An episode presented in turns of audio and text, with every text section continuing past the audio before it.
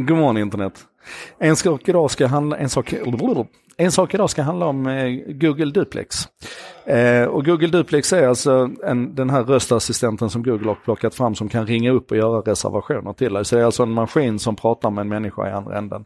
Och inte som det brukar vara då att människan ringer upp och maskinen svarar utan här är det tvärtom. Alltså samtalet initieras ifrån, ifrån en, en eh, teknisk assistent kan vi väl kalla det för. Och det här har jag pratat om förr. I, ehm, jag tror det var en sak idag, 200 eller 202, så var jag inne på det här för då hade Google precis demonstrerat det. Och då var det jättemånga som sa att ja, men så här kan det inte funka, det här är ju för bra för att vara sant. Eh, och när nu Google börjar rulla ut det då så är det väl kanske dags att återbesöka det här och säga att det är faktiskt sant, det funkar så här. Och bakgrunden är då att Google försöker ju med sin Google Assistant göra livet så enkelt som möjligt för dig. Det handlar om allt ifrån att du ska kunna enkelt få reda på vad det är för väder, när går tåget, du ska kunna boka dina flygbiljetter, allting ska liksom vara paketerat i den här tjänsten. Och när det då på andra sidan dina röstkommandon och instruktioner finns en maskin, när det kanske rent av finns ett API som det finns när du ska boka flygbiljetter eller åtminstone en webbsida som du kan skrapa och interagera med. Då är det relativt enkelt att förstå hur en maskin kan kommunicera och lösa det här behovet åt dig och vara din assistent. Men när Google lanserade Google Duplex så tror jag man sa att ungefär 40% av alla sådana här små servicetillhandahållare i USA, hårfrisörskor, små restauranger och så vidare, de har ingen digital närvaro överhuvudtaget utan deras enda interface är att man ska ringa. Och Google låter sig inte nedslås av det. Eh, så att då har man helt enkelt plockat fram en möjlighet för Google Assistant att ringa upp. Och den här demon som vi fick se för, jag tror det är sju månader sedan nu, den var verkligen mindblowing alltså för att den här, eh, eh, den här tekniska, den här digitala rösten, den var så otroligt mänsklig och tonträffen var så perfekt och, och ordvalen, ja det var helt magiskt att se. Och nu rullar det här alltså ut och i det vilda. Och precis som vanligt så är det en liten grupp användare som får det här först. Eh, och dessutom så finns det begränsningar, du måste ha en pixel, alltså det går inte med vilken Android-telefon som helst.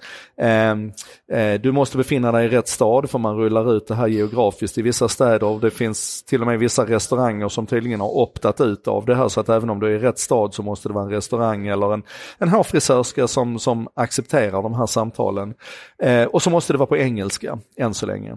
Och det här är ju lite tråkigt tråkiga begränsningar för mig, även om jag just nu är ute och reser mycket, jag befinner mig i Tyskland idag, så kommer jag inte att kunna använda det här på ett tag. Men begränsningarna kommer ju försvinna. Va? De, det, det, det är ju så man rullar ut tjänster idag. Google spelar in alla de här samtalen och analyserar dem naturligtvis. Och sådär. Men grejen är att nu finns det då inspelningar på bland annat Youtube som garanterat är av från icke-googlers där de visar hur det här fungerar i praktiken. Och jag tycker det är så häftigt. Och då ska vi också komma ihåg bara att nästan alla andra utvecklingsspår som vi pratar om, där är det flera aktörer som är med och driver den här utvecklingen. Men när det gäller det här med röstassistenter som ringer upp på det här viset och det Google försöker göra med Duplex, så är de ganska ensamma och de är väldigt, väldigt tidigt på det här.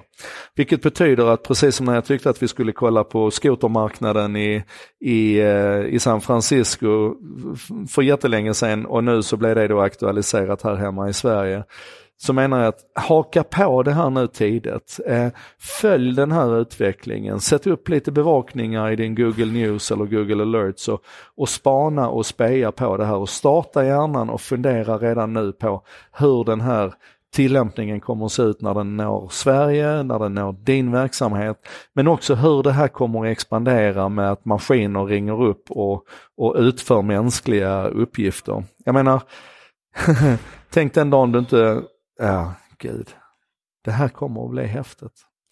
Ut och spana på detta. Detta var En sak idag med mig Joakim Jardenberg eh, och vi ses på måndag igen.